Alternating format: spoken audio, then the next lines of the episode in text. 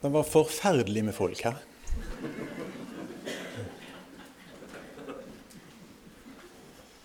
En stakkar emissær fra Osterøy blir aldeles forskrekka, skjønner det. Men det er godt å se dere òg. Det må jeg jo bare si òg.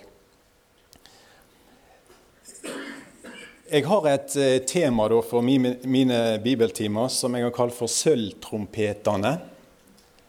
Og eh, jeg har jo skjønt da når jeg kommer ned her at det har vært en del sånn eh, jeg holdt på å si leteaksjoner hvor, hvor dette her temaet her er tatt ifra. da. De hadde både sett i leksikon og jeg vet ikke om det var på internett de hadde sett etter dette. her, Men det er altså i Fjerde Mosebok vi har eh, teksten vår ifra. Og Vi skal lese der igjen i kveld lite grann, men først eh, ber vi.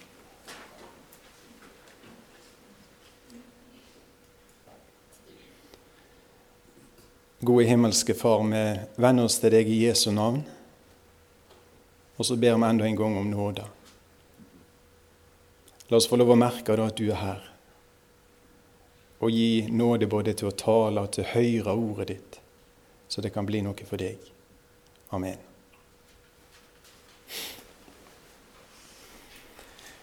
Fjerde Mosebok kapittel 10, og i kveld så leser bare vers 1 og 2.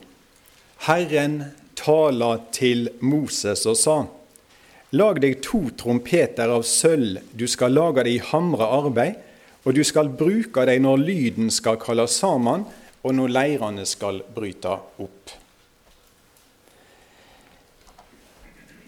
Nå kan ikke jeg ta mye tid til å repetere, men jeg begynte i hvert fall litt i går å si en del ting om disse her sølvtrompetene som vi leser om i 4. Mosebok 10.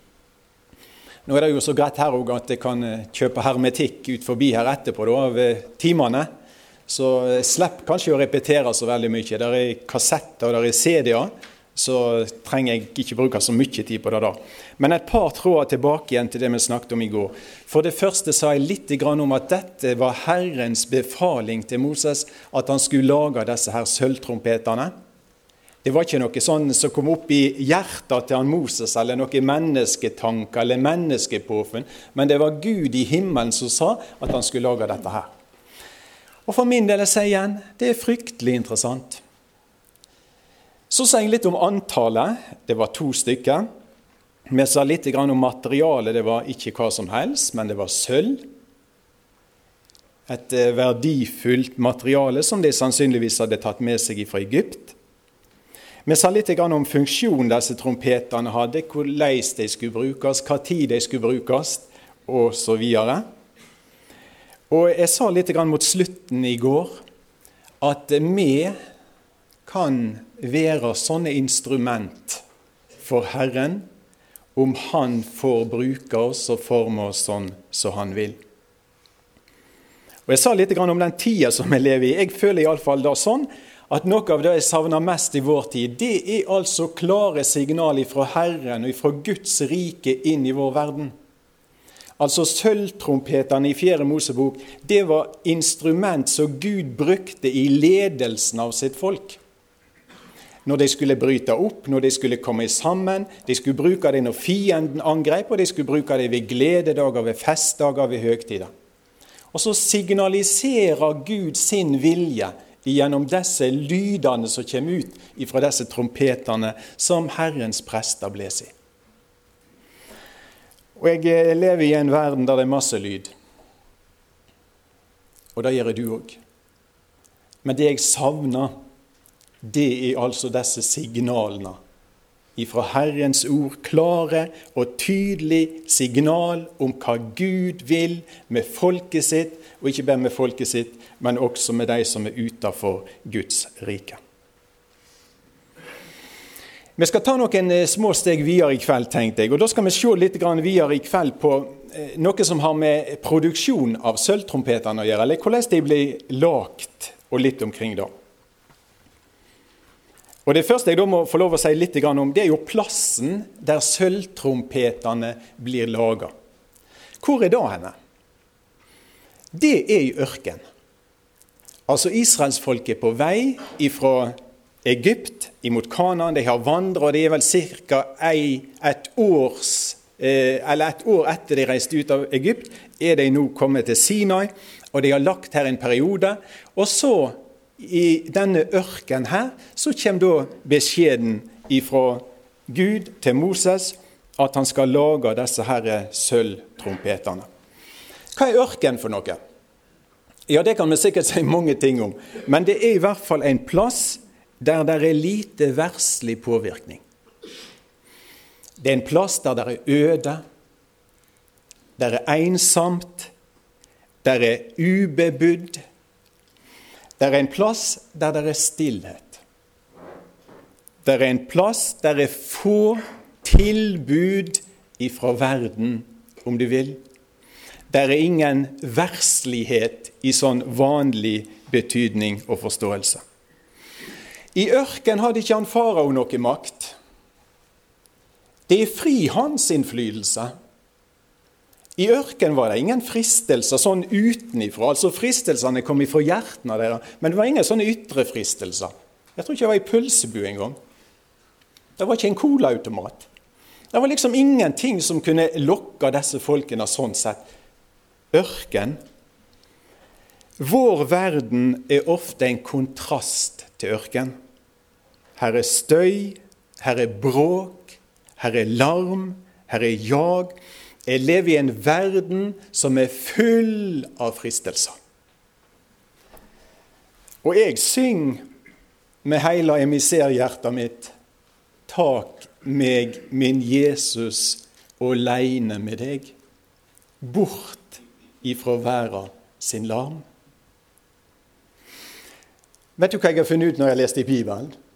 Gud bruker ofte ørkenklasserommet når han lager sølvtrompeter. Det er mange eksempel på at Gud tar mennesket avsides inn i stillheten for å få himmelklang i livene våre. Moses sjøl var der i 40 år. Gud har utrolig god tid. Og Etter at Moses altså hadde fått topputdannelse i Egypt, han var sikkert doktor, doktor, og sånn i, i, det meste, så tar Gud han 40 år ut i ødemarken og så han sauegjeter. Og så tror jeg han rister av han mestedelen av det han har lært i Egypt. Og så er han klar for tjenester. Vet du hva det står om Paulus etter han var omvendt? Det står noe i Galaterbrevet. Etter han var omvendt, så, så dro han ned til Arabia, og så står det ingenting. Jeg tror ikke han lå på ei badestrand. Men jeg tror Herren tok han inn i stillheten, inn i ørken, og så forma han sølvtrompeten Paulus. Jesus han taler noe Jeg, jeg tenkte litt på det der forrige uke. Altså. Han snakker om, eh, I, i bergpreika så snakker han om eh, til sine læresvenner, til sine disipler, om noe. Altså disipler, da, da, er det ofte disiplin det går på. Og så snakker han om at de skulle gå inn i lønnkammeret sitt. Og så skulle de lukke døra.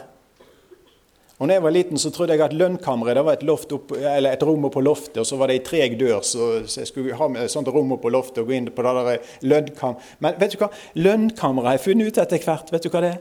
Det er når du er alene med Jesus. Er du disippel? Har du tid? Får han deg avsides? Får han deg ut i ørken? Litt av, eller ett av hovedproblemene for Guds folk i Norge i dag, det er at vi er midt i en verden som er full av larm og bråk. Og så er det så vanskelig for oss å få stillhet med Jesus. Og vet du hva jeg tror? Jeg tror det er her det brenner for de fleste kristne i Norge i dag. Vi er så lite aleine med Herren, i stillheten, i ørken der han lager sølvtrompeter. Hvis jeg skulle kalle en mann til misjon i dag, det er ikke fare for at jeg skal gjøre det, men hvis jeg skulle gjøre det, så ville jeg, jeg vil ha et par, tre, fire sånne kriterier. Vet du hva jeg ville spørre om? For det første vil jeg spørre elsker du Jesus. For det er det Jesus sjøl spør om som spørsmål nummer én. når han kaller noen. Altså Peter, du husker når han falt, sånn, så reiser han opp igjen, så vasker han han rein med noen spørsmål. Og De tre spørsmålene gikk ikke på om han var dyktig og preika, ikke om han var musikalsk, ikke om han var god leder. Men har du meg kjær, elsker du meg mer enn disse? Og så går det hele veien på hjerteforholdet. Altså Spørsmål nummer én er du glad i Jesus? Spørsmål nummer to er du kalt av Jesus? Og vet du hva spørsmål tre ville være for min del? Har du håndbrems? Har du parkeringsbrems? I livet ditt? Kan du stanse opp? Kan du gå på lønnkammeret? Kan du si nei til tingene og være aleine med Herren i formingskammeret, i lønnkammeret? Der er den ideelle plassen for å lage sølvtrompeter. Satan veit det. Og Derfor dynger han oss ned med travelhet. Farao-taktikken, når de liksom begynte å høre på Moses Legg hardt arbeid på dette folket, så de ikke hører. Så de ikke får anledning, så de ikke får tid. Den taktikken er fremdeles virkelig og levende. Sølvtrompeter blir ikke til i verdens larm, men i ørkenen sin stillhet. Det andre i kveld når ble de lagt? Ja, Jeg har for så vidt sagt litt, men jeg skal si én ting til om tidspunktet da sølvtrompetene ble produsert. Og Hvis vi da hadde gått eh, til kapittelet før, altså 4. Mosebok 9, så vil du se en sammenheng som er interessant. For Vet du hva det står om i 4. Mosebok 9? Der står det at de gjør en helt spesiell ting, som de også hadde gjort et år før, og som de skulle gjøre hvert år. Og vet du hva det var? Det var at de skulle feire påske. Altså, Herren befaler det igjen at de skal holde påske. Og Så står det i 9,4 at da taler Moses til israelsbarna og sa at de skulle holde påske. Og Så står det i vers 11 at i den andre måneden på den 14. dagen mellom de to kveldsstundene skal de holde påske. De skal ete påskelammet med usyrt brød og bitre urter. Og det som jeg har lyst til å si her, Altså, produksjonen av sølvtrompetene kommer like etter påskefeiring. Sier det meg noe? Jeg skal ikke dra dette for langt, men jeg vet iallfall at det er en veldig sterk forbindelse mellom påske, erfarer påske, og det å få en rett klang i sølvtrompeter. Har du ikke vært på Golgata, kan du aldri bli sølvtrompet. Har du ikke sett han mann som henger på det forbannelsens tre for dine synder, kan du aldri bli et redskap i Herrens hånd. Nå skal du høre hva Moses sa. De skal ete påskelammet med usyrt brød og bitre urter. Og nå skal du høre her. Altså Når jeg nå snakker om at det skal være en rett klang i sølvtrompeten, så tror jeg det er også viktig å si at da er det ikke nok bare å se på en måte, eller å vite om påskelammet. Men altså disse folkene, vet du hva de måtte gjøre? Altså De måtte sette seg ned med et bord, og så måtte de ta påskelammet, og så måtte de føre det inn i munnen sin, og så måtte de ete det. Vet du hva som da skjer? Da blir det ett med dem. Altså, de tilegner seg påskelammet. Det blir egentlig en del av dem. Og det er noe jeg spør av og til om i kristne sammenhenger, og det er om du har ete disse tingene. Eller er det bare en teori for deg? Er det bare noe frase, dette her? Fraseologi? Altså, det er masse fraseologi i dag. Men har påskelammet blitt en del av deg? Har du stått på Golgata og sett deg sjøl i Jesus? Og så skulle de ete usyrt brød, og de skulle ete bitre urter. Og jeg må jo bare si at ja, surdeig det står jo i, Du som er litt kjent i, i, Skriften, du vet at det står for synd. sant? Men her var et usyrt brød, og jeg har sett et menneske i denne verden som har levd i 33 år, og som aldri har gjort ei eneste synd, og det er den Herre Jesus Kristus. Han er det sanne brødet, han, som kom ned fra himmelen. Han er det brødet som kan gi verden liv. Har du spist det? Altså, du kan svelte i hjel på et bakeri. Nå har de jo bakeri her. altså Du kan sitte 14 dager på bakeriet på Mossbu, så du kan svelte i hjel. Maten blir ikke til gagn for deg før du får den inn. Du kan være professor i brød og dø av sult. Du må gjete. Usyrde brød. Den uskyldige Kristus. Og bitre urter. Og så, ja, så sitter jeg der og spiser disse bitre tingene. Tror du det var flott? Godt? Jeg tror ikke det var godt. Men det minner om det, iallfall for min del, sett i lys av Det nye testamentet, om en som tok det bitre, som tok det vonde, som tok det smertefulle, som tok Guds vrede, og så skal jeg tilegne meg dette her. Og når disse tingene går inn i livet mitt, vet du hva det da blir? Da blir det en altså sølvtrompet som sender noe takkesignal til Gud i himmelen. Og så blir det en sølvtrompet som blir litt audmjuk og liten overfor mine medvandrere i denne verden. Og så blir jeg ikke så hard som ellers, skjønner du. For når jeg ser hva Jesus har gjort for meg, og når jeg ser hva jeg er tilgitt, da må jeg òg kunne tilgi andre.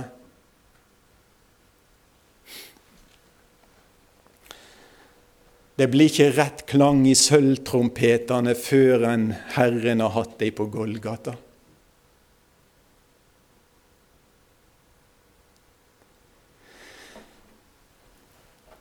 Det var litt om plassen, det var litt om tida, og det tredje i kveld litt om produsenten.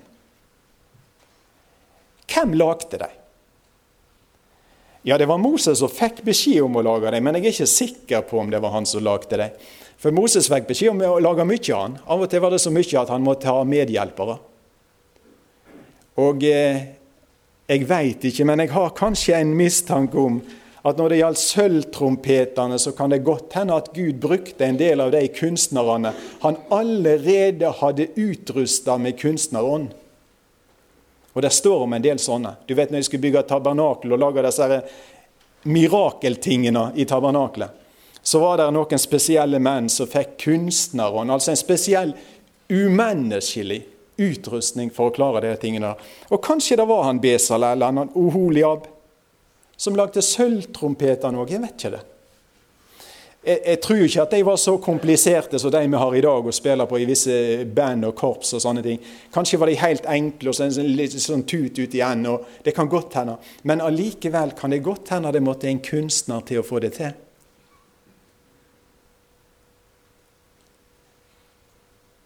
Vet du hva? Det skal en stor kunstner til for å lage deg og meg til sølvtrompeter.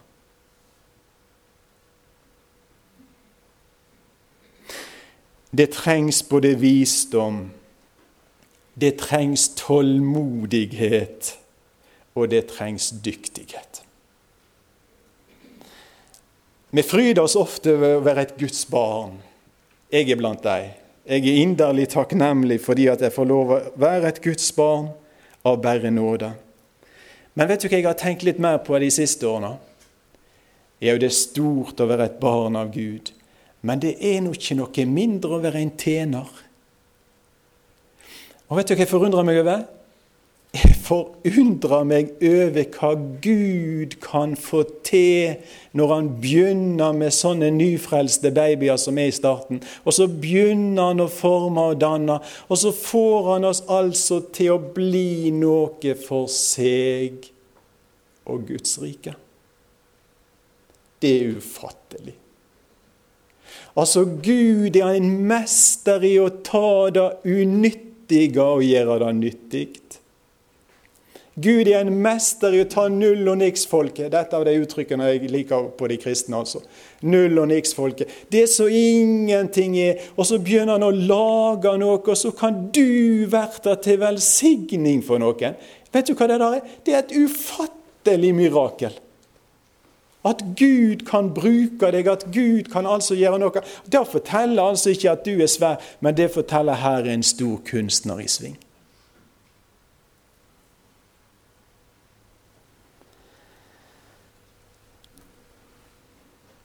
Jeg måtte tenke litt på Jonas i dag. Eh, det er jo sånn at Enkelte ganger når du føler deg aldeles forkommen som tjener, så kan det være greit å lese Jonas. Du kan gjerne finne litt trøst der. For eh, Jonas han er en uskikkelig tjener. han. Han får klar beskjed vet du, om å, å, å reise til Ninive og preike for denne svære byen. Hva gjør han? Han tar stikk motsatt retning, og så flykter han. Og du skjønner da at Når Jonas flykter, så ligger det klar en båt. Han gjør ofte det. Altså Hvis du vil ut av en oppgave eller ut av en tjeneste, hvis du vil flykte fra Guds kall, så er det ofte en som sørger for at det ligger klar en båt til deg. Og så ble det at han gikk om bord i den båten, og så begynte de å seile, vet du. Og så kom stormen og alt dette. Du kan lese disse tingene her sjøl. Og, og, så, altså, ble det så forferdelig at disse mannskapet på denne båten de ropte til sin gud i himmelen, eller ikke sin gud i himmelen, til sine guder. da. Og så han Jonas, som hadde en gud i himmelen, han ligger nede i dørken i båten og søv. Men eh, de fikk vekta når de fikk de fikk altså eh, høre litt forskjellig. Og vet du hva han hadde sagt til dem, så de var klar over? Han hadde sagt han rømte ifra Herren. Det er bekjennelse. Han rømte ifra Herren. Men vet du hva det ender med? Ja, Det ender jo med at han blir hyft i, i sjøen. da. Og, og, ja, Det ender ikke da, men det er litt av fortsettelsen. Men det siste jeg leser om disse om bord på båten, vet du hva det er? Det er at de ofrer til Gud i himmelen. Og altså han der stakkarslige tjeneren som altså hadde flykta fra Herren og svikta på alle kanter han ble allikevel et redskap til oss, disse hedningesjøfolkene. De måtte altså begynne å, å be til Gud. Ser du kunstneren? Så til og med kan få ut av en tjener som svikter, noen signal som gjør at noen vender øynene sine mot Gud i himmelen. Og så er fortellinga gnistrende videre òg, vet du. For når, når Jonas ble gift i, i, havet, der, så kommer bølgene og alt dette her. Men så setter Gud med, med, med radarstyringen på en stor hval. En stor fisk. Og så kommer han og jeg husker en bibelutgave vi fikk i Norge, jeg tror det var i 68, så sto det overfor denne boka at dette var en legende, eller dette her var noen sånn fantasifortellinger. Dette her er sannhet. Jeg har ikke problemer med å tro det i hele tatt. Altså om det var en makrell som kom og slukte han, skulle jeg trodd det? Hvorfor skulle ikke Gud kunne gjøre noe sånt? Og vet du hva han gjør? Han holder han altså på lukka avdeling i tre døgn.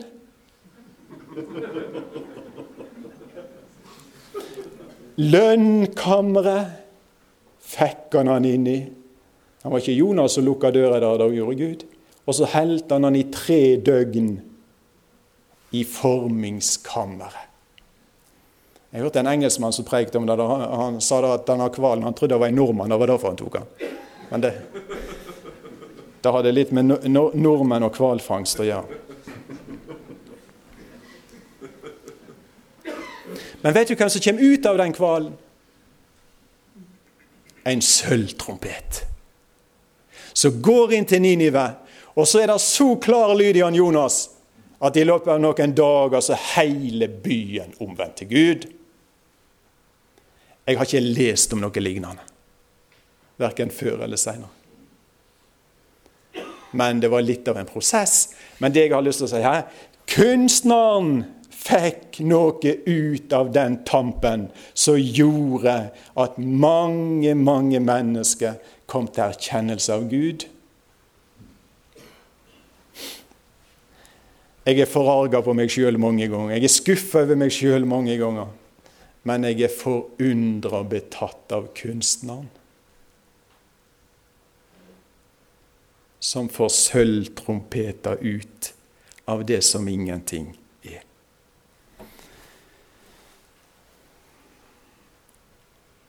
Det neste punktet i kveld produksjonsmåte. Hvordan lagde de disse sølvtrompetene? Sto det noe om det? Ja, det gjorde faktisk det. Jeg har lest i kveld hvordan de lagde sølvtrompetene. Jeg skal lese det igjen. Det står i vers 2.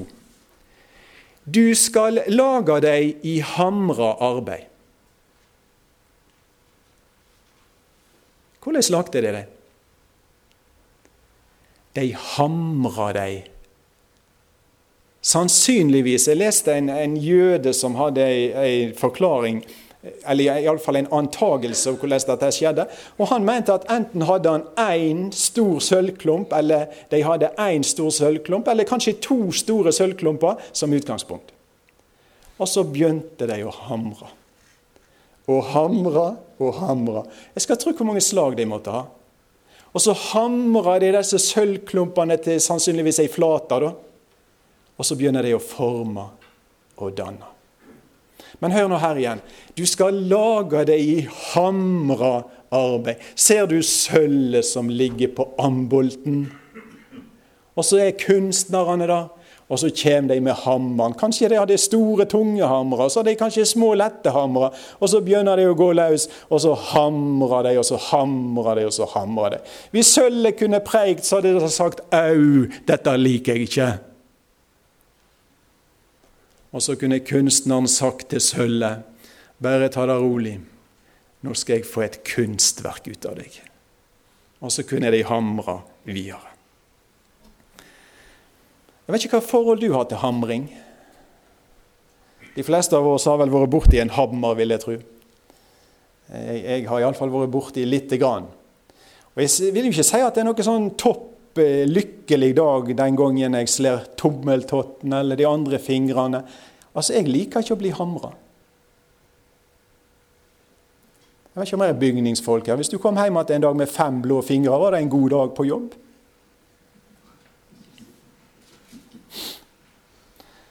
Hamring er smerte. Hamring er lidelse. Og vet du hva jeg har funnet ut? Jeg har funnet ut at min gode far i himmelen, han bruker ofte hammeren når han vil meg vel. Hamring er smerte, men hamring er også nåde. Hamring er kjærlighet ifra høyeste hold. Da kan det hende sølvet sier nei, dette vil jeg ikke, dette er vondt, dette liker jeg ikke. Og så svarer han far, nå skal du bli et kunstverk. Nå skal det bli god klang i deg. Nå skal jeg lage deg sånn at du skal bli til velsignelse for noen. Du skal bli et redskap for meg, så bare slapp av. Og husk at den hånda som holder hammeren, står i forbindelse med det hjertet som elsker deg mest.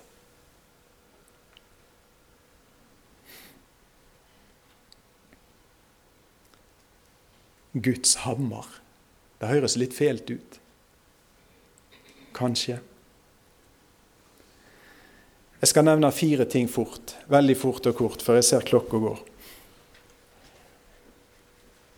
Ulike livserfaringer. Jeg tror faktisk at vi kan erfare det som hammerslag av og til. Og da tenker jeg både på det som vi erfarer som vondt, og kanskje også det som vi erfarer som godt. Men der møter oss jo så mange ting i livet. Og jeg skal ikke si at alle de vonde tingene er fra Gud, for det er det ikke. Det kan være sykdom, det kan være motgang, det kan være trøbbel, det kan være det ene og det kan være det andre som kommer inn og som rammer i livene våre. Jeg sier ikke at det er Gud som sender det eller står bak det, men vet du hva jeg tror? Jeg tror veldig ofte at Gud bruker sånne ting, og så snur han sånne ting, og så velsigner han sånne ting, så det blir sølvtrompeter av det. Jeg skal si noen navn til deg nå. Og så spør jeg Finn et fellestrekk eller to. John Bunyan, Fanny Crosby, Lina Sandell, Brorson, Hans Nilsen Hauge. Jeg kunne tatt mange andre. Du kunne tatt bibelske personer. Er det et fellestrekk? Jeg skal gi deg to fellestrekk. Alle hadde perioder eller ting i livene sine som var fryktelig tunge og vanskelige. Fellestrekk nummer to alle blei til stor velsignelse i denne verden.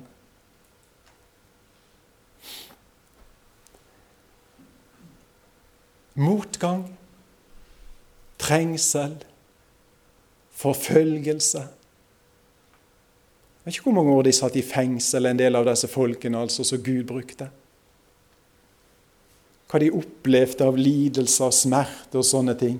Og så ser jeg hvordan Gud kan bruke dette, og så vender han på en måte øynene deres og hjertene deres mot himmelen på en helt spesiell måte.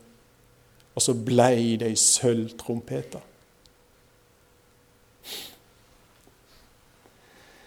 Jeg satt i en heim for mange år siden fordi at jeg kom til ei bygd, og der sa de at det var en mann som var nettopp frelst, og denne mannen han var spesiell, sa de. Jeg har lyst til å møte han, så jeg ja, vi skal gå opp til han en ettermiddag. Og så gjorde vi det. Han var 70 år og nyfrelst.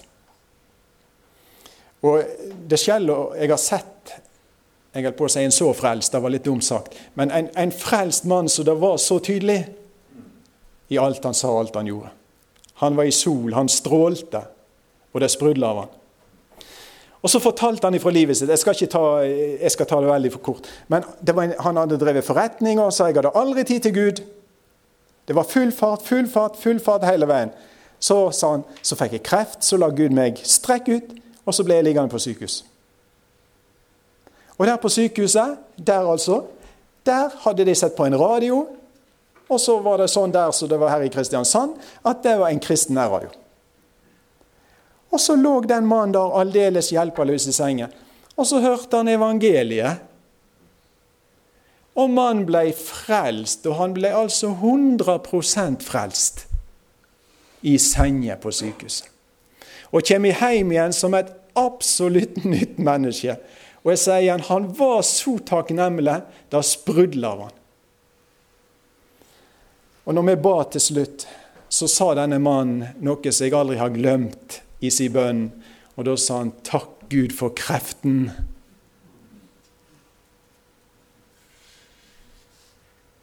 Og han mente det. Og han levde noen år til, og så flytta han hjem. Men han sa 'jeg hadde aldri tid til Gud' før Gud sendte dette inn i livet mitt. Takk, Gud, inderlig takk for kreft. Det var så god lyd i han. Enormt. Og han fryder seg til å stige inn i den himmelske verden. En sølvtrompet med en fantastisk klang.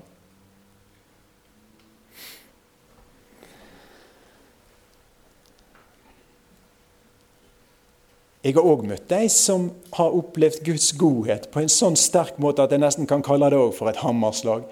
Og så snakket de sammen. 'Nei, Gud har vært så god med oss, nå må vi visst gi oss over til Han'. Men det er flere jeg har møtt som Gud har frelst gjennom lidelse smerte og sykdom og vonde ting enn gode ting. Livserfaringer. Det andre her, Guds hammer, Guds ord. Og det er hovedhammeren Gud bruker. Profeten Jeremia, kapittel 23 og 29. Eh, profeten Jeremia, kapittel 23 og vers 29. Eh, er ikke ordet mitt som en eld, sier Herren, like en hamer som knuser berg? Og så står profeten og stiller spørsmålet inn i et folk som hadde hjerte av stein. Er håp for sånne hjerter? Ja, sier profeten. Her er noen ord som er som en hammer som knuser berg. Og Nå skulle jeg prekt lenge, og så skulle vi lest 2. Timoteus 3, og så skulle vi lest 1. Timoteus 4, og så skulle vi sett hvordan Guds ord har en forunderlig evne til å lage sølvtrompeter.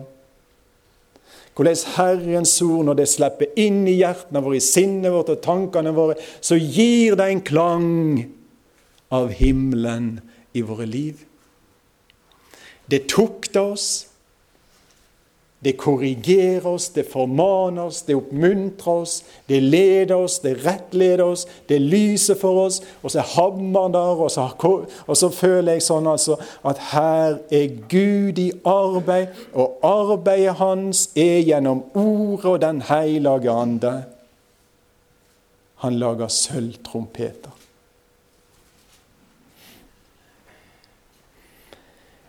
La meg nevne en tredje ting og det er nesten farlig å nevne, fordi en burde hatt litt god tid på det. Men det står altså i ordtøket 27 og vers 6 et litt rart ord. Nå skal du høre. Nå leser jeg nynorsk. Hvis det trenger tolker her, så får de gjøre det. Men sånn, sånn står det i min nynorskbibel. Trufaste er slag fra en ven. Trulause kyss fra en uvenn. Salme 141 og vers 5. Salme 141 og vers 5. Lat ein rettferdig slå meg i kjærleik og tukta meg. Jeg sier Det er nesten farlig å si noe om det. Men vet du hva jeg tror? Jeg tror disse ordene er positive jeg tror det er en positiv ting når en blir slått av en venn. Og her er jo ikke sånne slag som skal ødelegge. Eller jeg slår ikke for at jeg skal bli stor, men jeg slår i kjærlighet for å hjelpe noen. Altså Her er snakk om å tale til hverandre. Her er snakk om å rettlede hverandre. Her er snakk om å tukte hverandre, Guds ord. Jeg holdt på å si skjer det? Altså, det, det er vanskelig, fordi vi er så kjødelige. Og, og det er så lite kjærlighet. Så, så, hvem kan våge seg til sånt? sant? Så jeg skal si hvem som kan våge seg til sånt. De som elsker, kan. Du kan tale hardt til et barn hvis barnet er på feil vei, og det er ditt. Du kan slå for å holde oss i bildet. Hvis du kan se at det er det eneste måten å berge dette mennesket på. Og jeg skulle på en måte ønske at vi var flinkere å passe på hverandre i dag i Guds rike. Jeg skulle ønske at hvis vi observerer noen, sånne, jeg på sånne autikuser som sitter i glasset og holder på å ramle ut, eller noen som blir liggende igjen på veien, eller noen som denne verden får skikkelig tak på, noen som forsvinner fra forsamlingene våre, altså noen som har mista gløden, noen som det ikke er lyd i lenger, ja, da skulle vi gjøre noe. Altså, Vi skulle ikke sitte passive og la folk forsvinne. Men det skulle være et hjerte her som sa 'nå vil jeg gjøre noe'. Altså Hvis det er en stein i muren i, i Guds hus som begynner å stikke ut litt, ja, så skulle jeg ta altså det hammeren og så skulle jeg gå og dunke litt igjen, sånn forsiktig og varmt og få den på plass igjen. Altså Det ble så mye sånn 'jeg har nok med meg sjøl', 'jeg har nok med, med meg og mitt'. sant? Altså De andre bryr jeg meg ingenting om. Jeg holdt på å si, Må Herren få lov å stelle med hjertene våre, så vi blir obs på de andre de andre sine problem. Og vet du hva jeg har funnet ut Hvis jeg er eh, litt sånn nedfor en dag og har masse problem sjøl, så, så, har jeg funnet ut at hvis du nå kan engasjere deg litt i andre sine problem, så blir det mye bedre. Så kan det faktisk hjelpe deg. Det blir litt gale hvis du blir altfor sånn sjølfokusert, og så blir det en velsignelse hvis du heller kan få hjelpe andre med deres problem. Vær en sånn liten hammer som kan få rett lyd i sølvtrompetene igjen. Og La meg få lov å si et lite hjertesukk her.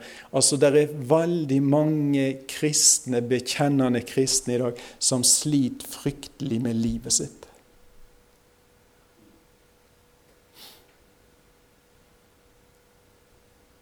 Når de sier at 'for meg er livet Jesus', så stemmer det ikke. For livet er verden for deg. Livet er det utenfor. Og vi trenger så altså å be Gud om nåde, så vi kommer oss igjennom denne verden rikest mulig. Og at vi kunne få med oss mest mulig.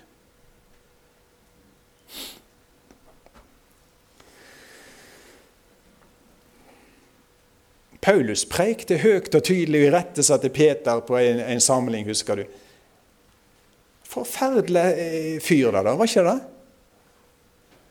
Han elsker Jesus. Og så kunne han korrigere en bror. Hammerslag som kan få rett lyd i en sølvtrompet igjen. For han Peter han var blitt en hykler, han, skjønner du. Kristenleder og hykler var tittelen hans akkurat på det møtet. Men det er en, en, en sjele, sjelenes hyrding og tilsynsmann. Jeg vet ikke om han skal innom det, Johan. Men altså, sjelens hyrding, sjelebiskopen i himmelen, han så det, han. Jeg har én biskop jeg er veldig glad i. Det er han i himmelen. Sjela sin hyrding og biskop. Tilsynsmann. Og Så så han Peter i den situasjonen, og så kobla han inn Paulus, og så er han der med hammeren. Jeg tror det var litt sånn harde ord, kanskje, men det virker godt. Og det siste her, altså livserfaring av Guds ord, venner, medarbeidere Det siste, fiender og trengsler, har også virka mange ganger som en sånn hammer som har fått skikkelig lyd i sølvtrompeter. Sammenlign de kristne i forfølgelsestider. Se for en himmelklang det er i sølvtrompetene. Se for en nød de har for de andre. Og se for noe enorme vitnesbyrd de er om Jesus. Les om Kina i dag, les om andre plasser der de kristne blir forfulgt. Hør den klare lyden i vitnesbyrdet der. Forfølgelse har aldri vært til skade for Guds rike. Medgang har ofte vært det. Nå har jeg brukt tida mi, nå lukter det sikkert kaffe. Men la meg bare si helt til slutt Uten hammerslag ingen sølvtrompet. God kaffe.